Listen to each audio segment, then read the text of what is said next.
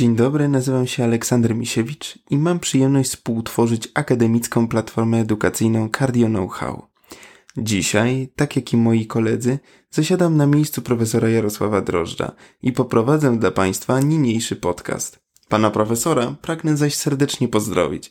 Żeby jednak utrzymać wysoki poziom audycji, postaram z siebie dać pełnię swoich możliwości. Czy to wystarczy? Zobaczymy. Czekam na feedback od Państwa. Pragnę także zaznaczyć, że podcast przeznaczony jest wyłącznie dla profesjonalistów i odzwierciedla wyłącznie moje osobiste poglądy. Jak już zdążyli Państwo zauważyć, tematyka dzisiejszego odcinka jest znana. Ten element niespodzianki ujrzał już światło dzienne.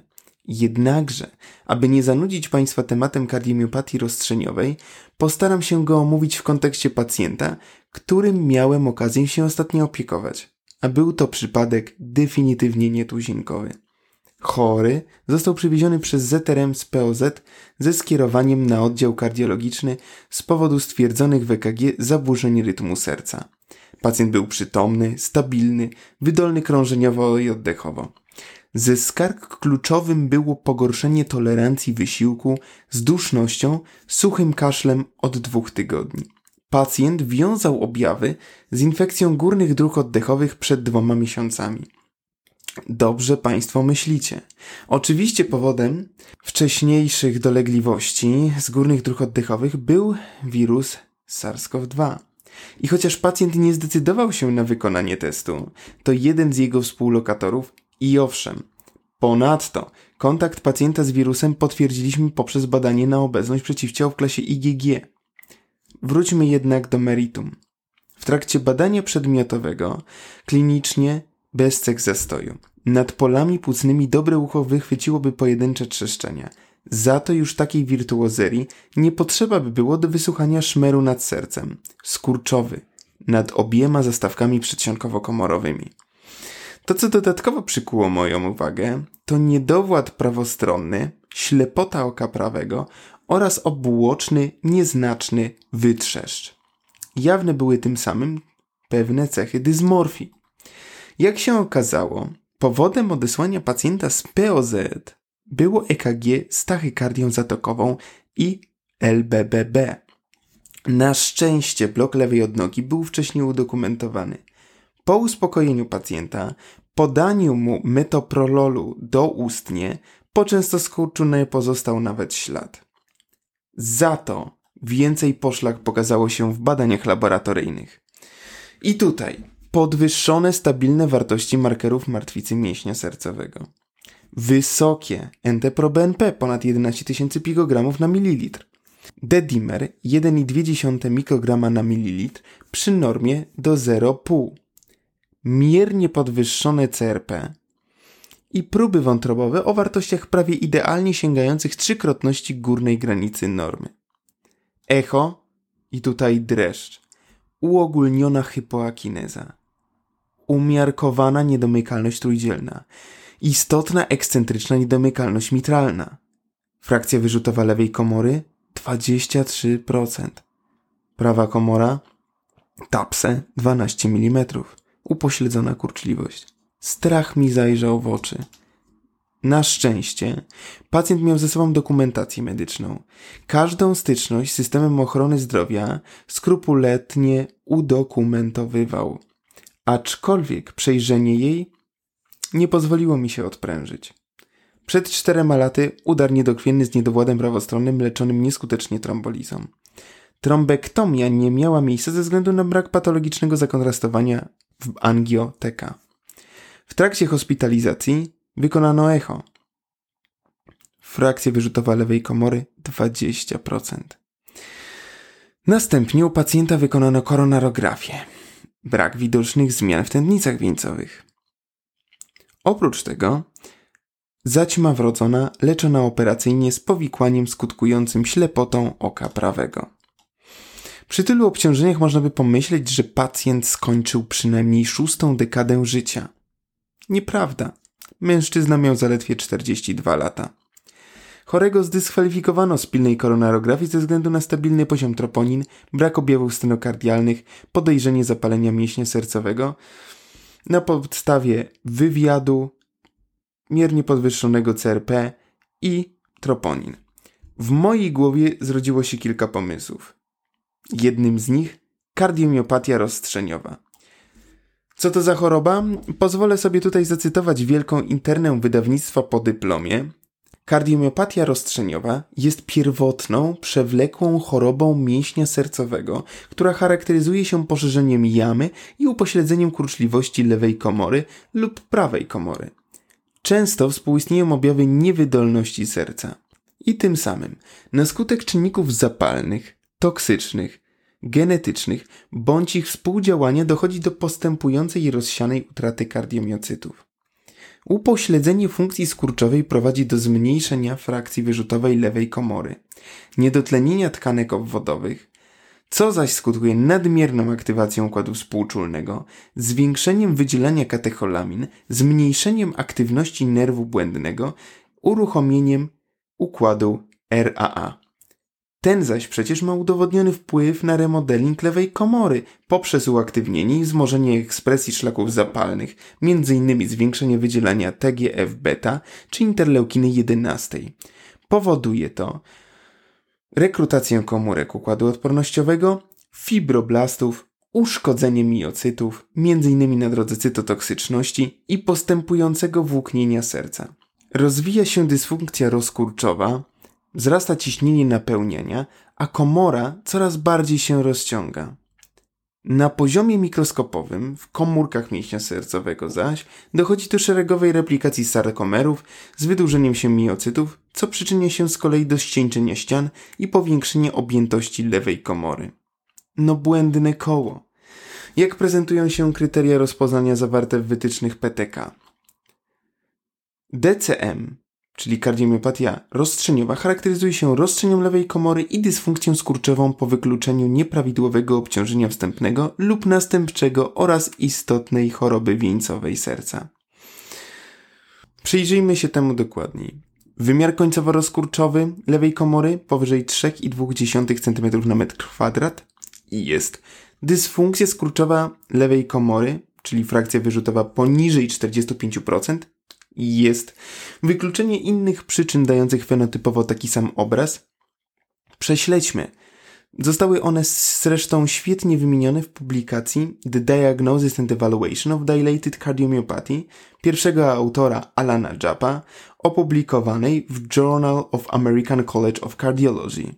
Tym samym kardiomiopatia na tle niedokrwiennym, brak zmian w tętnicach wieńcowych w koronarografii, przebudowa lewej komory w przebiegu długotrwającego naciśnienia tętniczego. Chociaż faktycznie u danego pacjenta stwierdzono nieprawidłowe wartości ciśnienia tętniczego, to wdrożona terapia dwulekowa pozwoliła na ich opanowanie. Zaawansowana kardiomiopatia przerostowa, o której mogliśmy słyszeć chociażby w podcaście prowadzonym przez doktora Macieja Nadela, brak historii tejże choroby. Dodatkowo ściany serca bez przerostu w TTE. Kardiomiopatia arytmiczna prawej komory. Pacjent nie spełniał kryteriów tejże. Kardiomiopatia z niescalenia. Brak dostępu do badania MRI nie pozwolił na bezwarunkowe wykluczenie tegoż, lecz w echo nie widzieliśmy cech nadmiernego beleczkowania lewej komory. Serce atlety, mięsień sercowy był wyraźnie chory i dysfunkcyjny. Kardiomiopatia na tle marskości wątroby. U pacjenta nie stwierdziliśmy marskiej wątroby. Jakie leczenie pozostaje nam w takim wypadku wdrożyć? Skierowane na niewydolność serca. Czyli co? Cytując główną gwiazdę podcastów, Wielka Piątka, beta blocker, IKA bądź ARNI, spironolakton, eplerenon, diuretyk pętlowy, no i wisienka na torcie, flozyny. Pozostaje nam leczenie nakierowane na przyczynę. Aczkolwiek ono wymagałoby poznania etiologii, a to zadanie definitywnie nie należało do najlżejszych. Wykluczmy najpierw najbardziej prozaiczne powody DCM. Alkohol, spa, nic na to nie wskazywało. Wcześniejsze leczenie przeciwnowotworowe, przewlekłe przyjmowanie leków kardiotoksycznych? Nie. Pogłębiliśmy wywiad rodzinny z pacjentem. Poza śmiercią ojca z ZZA przed szóstą dekadą życia nie znaleźliśmy nic, co by mogło nam pomóc postawić finalną diagnozę. Błądziliśmy we mgle. W drugiej dobie hospitalizacji, w czasie zakładania holter EKG, około godziny 12 zauważono u pacjenta afazję ruchową. Konsultacja neurologiczna stwierdziła objawy ogniskowe. Kolejny udar. Wykonaliśmy pilne badania teka głowy i angioteka odłuku aorty. Warto nadmienić, że pacjent od przyjęcia miał włączoną profilaktyczną dawkę heparyny drobnocząsteczkowej i jasa w dawce 75 mg. W przeglądowej tomografii zobaczyliśmy rozległy hipotensyjny obszar świeżego niedokrwienia na przestrzeni trzech płatów skroniowego, ciemieniowego i potelicznego lewej półkuli, bez cech aktywnego krwawienia. Uwidocznienie zmiany sugerowało, że zawał mózgu już się dokonał, a początek udaru miał miejsce prawdopodobnie we śnie. Cztero i pół godzinne okno terapeutyczne zamknęło się z hukiem. Trombektomia mechaniczna? W angioteka nie uwidoczniliśmy patologicznego zakontrastowania w tętnicach mózgu. Mogliśmy tylko rozłożyć ręce i wdrożyć leczenie zachowawcze. Akar 150 mg, a torwastatyna 40 mg. Kontynuowanie dawki profilaktycznej heparyny drobnocząsteczkowej. Sfrustrowany kontynuowałem poszukiwania przyczyny. Zaburzenia kurczliwości, a dokładniej hypoakineza lewej komory może skutkować tworzeniem się skrzeplin przyściennych. Co więcej, taka wada serca predysponuje do arytmii, w tym migotania przedsionków. Z drugiej strony, pacjent był cały czas na sali monitorowanej i zaburzeń rytmu nie zarejestrowano. Zadajmy sobie pytanie co rażąco zwiększa możliwość wystąpienia incydentu zakrzepowo-zatorowego. Spójrzmy na pełną listę przyczyn kardiomiopatii rozstrzeniowej. Zaburzenia metaboliczno-endokrynne, chociażby choroba Cushinga, akromegalia, nadczynność, niedoczynność tarczycy. Czynniki infekcyjne, koksaki, cytomegalowirus, HIV, borelioza. Choroby nerwowo-mięśniowe. I tutaj pokaźny arsenał dystrofii mięśniowych. Układowe choroby zapalne tkanki łącznej, toczeń, kwardzina, zapalenie skórnomięśniowe, zapalenia naczyń. Ogromny asortyment czynników genetycznych i choroby dziedziczone mitochondrialnie. Drugi udar na przestrzeni pięciu lat i to na dawkach profilaktycznych leków przeciwkrzepliwych. Pierwsze trzy opcje cechowały się niskim prawdopodobieństwem wytłumaczenia obecnego stanu rzeczy. Spójrzmy szczegółowo na pozostałe. Dystrofię, w tym wypadku nie mieliśmy objawów z innych części układu szkieletowo-mięśniowego. Nie tłumaczyły one także zwiększonego ryzyka udaru. Choroby mitochondrialne. Mogłyby one pasować do obrazu klinicznego omawianego pacjenta, jednak ich potwierdzenie nie wniosłoby nic do sposobu leczenia. Tę hipotezę mąci także prawidłowe stężenie dehydrogenazy mleczanowej. Choroby układowe tkanki łącznej? Coraz cieplej. Jednak w badaniach nie wykryto przeciwciał antywosfolipidowych. Protrombina, białko C, S, składowa C4 dopełniacza, antytrombina, antykoagulant toczniowy pozostawały w normie bądź poniżej dolnego progu oznaczenia. Toczeń, zespół antywosfolipidowy tym samym były mało prawdopodobne. Zwłaszcza, że na próżno było szukać innych charakterystycznych objawów.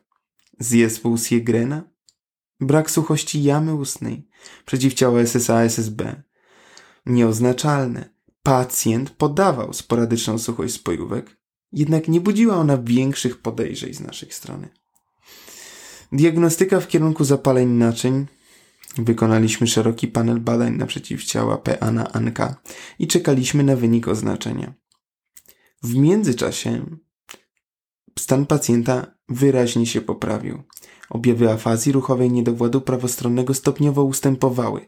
Kardiologicznie zwiększyła się wydolność fizyczna chorego i ogólne samopoczucie również uległo poprawie. Prawidłowe leczenie niewidolności serca zatrzymuje, a nawet prowadzi do regresji negatywnego remodelingu lewej komory i poprawia funkcję skurczową. Co więcej, w wykonanym Holter EKG zespół QRS o długości 150 milisekund przy przyjęciu zmniejszył się do około 128 milisekund. Co jeszcze mogliśmy zaoferować pacjentowi od strony kardiologicznej, można by się spytać. Moglibyśmy pokusić się o urządzenie wszczepialne. Pacjenci z frakcją wyrzutową lewej komory poniżej 35% są w grupie wysokiego ryzyka nagłego zgonu z powodu zaburzeń rytmu. Ponadto u naszego pacjenta mieliśmy do czynienia z blokiem lewej odnogi. W tym wypadku, przy przynajmniej 3-miesięcznej optymalnej farmakoterapii, braku poprawy w zakresie frakcji wyrzutowej i objawowej niewydolności serca w drugiej, trzeciej klasie według Nycha, zdecydowalibyśmy się na ICD, kardiowerter defibrylator. Klasa zaleceń w tym wypadku 2A.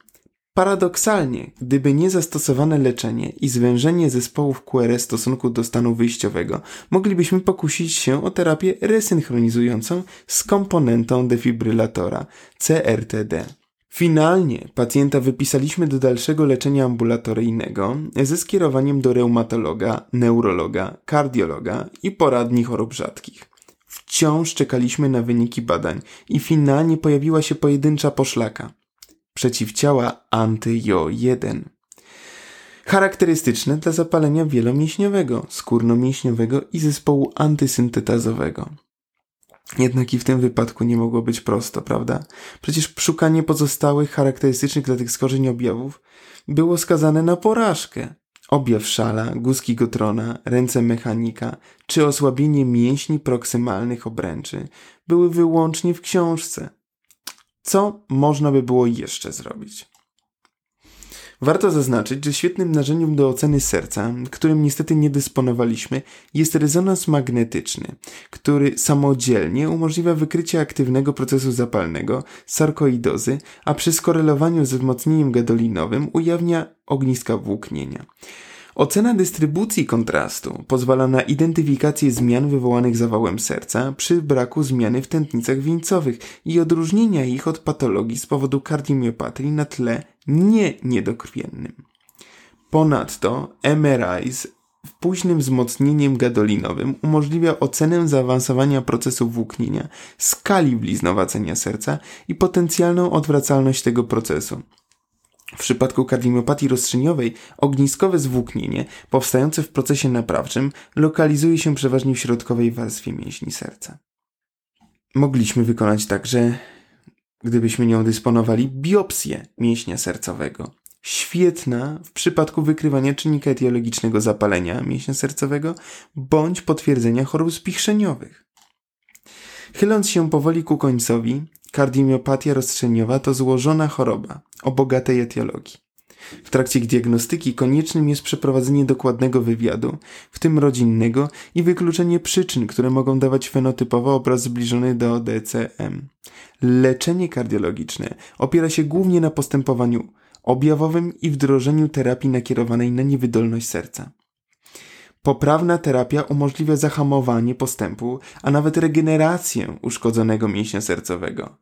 U chorych z niską frakcją wyrzutową, poniżej 35%, w ramach profilaktyki pierwotnej powinno się rozważyć implantację ICD, a u pacjentów z dysynchronią skurczu mięśnia sercowego, blokami przewodzenia śródkomorowego, w zależności od czasu trwania zespołu QRS i objawów, dokonać wszczepienia bądź rozważyć implantację CRTD. Znalezienie czynnika etiologicznego zaś wymaga przeprowadzenia licznych badań, w tym m.in. serologicznych, genetycznych, obrazowych czy biopsyjnych. Interdyscyplinarna współpraca kardiologa z reumatologiem, neurologiem i genetykiem jest niezbędna do uzyskania sukcesu terapeutycznego. Stałym elementem podcastu stał się niejako klub książki. Ale zanim krótkie wprowadzenie. Nie wiem jak Państwo, ale co ja codziennie obserwuję, co dzieje się za naszą wschodnią granicą. Większość z nas całe swoje życie spędziła we względnym dobrobycie i przede wszystkim pokoju. Tym samym wojna i okrucieństwo z nią związane to wrażenia dla nas tak odległe jak piaski Sahary czy indyjskie monsumy. Nie zawsze tak było lecz świadków tamtych tragedii i barbarzyńskiej strony człowieczeństwa mamy coraz mniej. Michał Wójcik spisał w formie wywiadu przeżycia i przemyślenia jednego z nadal żyjących żołnierzy polskiego podziemia w czasie II wojny światowej, Wandy Traczyk-Stawskiej. Książka, okraszona tytułem Błyskawica, przedstawia realia funkcjonowania w trakcie niemieckiej okupacji, konieczności szybkiego dorastania, nauki w tych ciężkich czasach, a przede wszystkim wojny. Wojny bez cukierkowania i wojny bez jej romantyzacji. Jeśli ciekawi Państwa, co kierowało młodzieżą w tamtych czasach, skąd czerpali siłę i determinację, czy można oswoić się z otaczającą nas z każdej strony śmiercią oraz jaką motywacją miała główna bohaterka i pozostali żołnierze podczas godziny W, to traktujcie Państwo tę pozycję jako obowiązkową. Ja ze swojej strony dziękuję Państwu, że zostaliście do końca podcastu. Zapraszam na kolejny i oczywiście obserwujcie nas, lajkujcie w mediach społecznościowych. Mam nadzieję, że nie było tak źle. Dziękuję, do widzenia.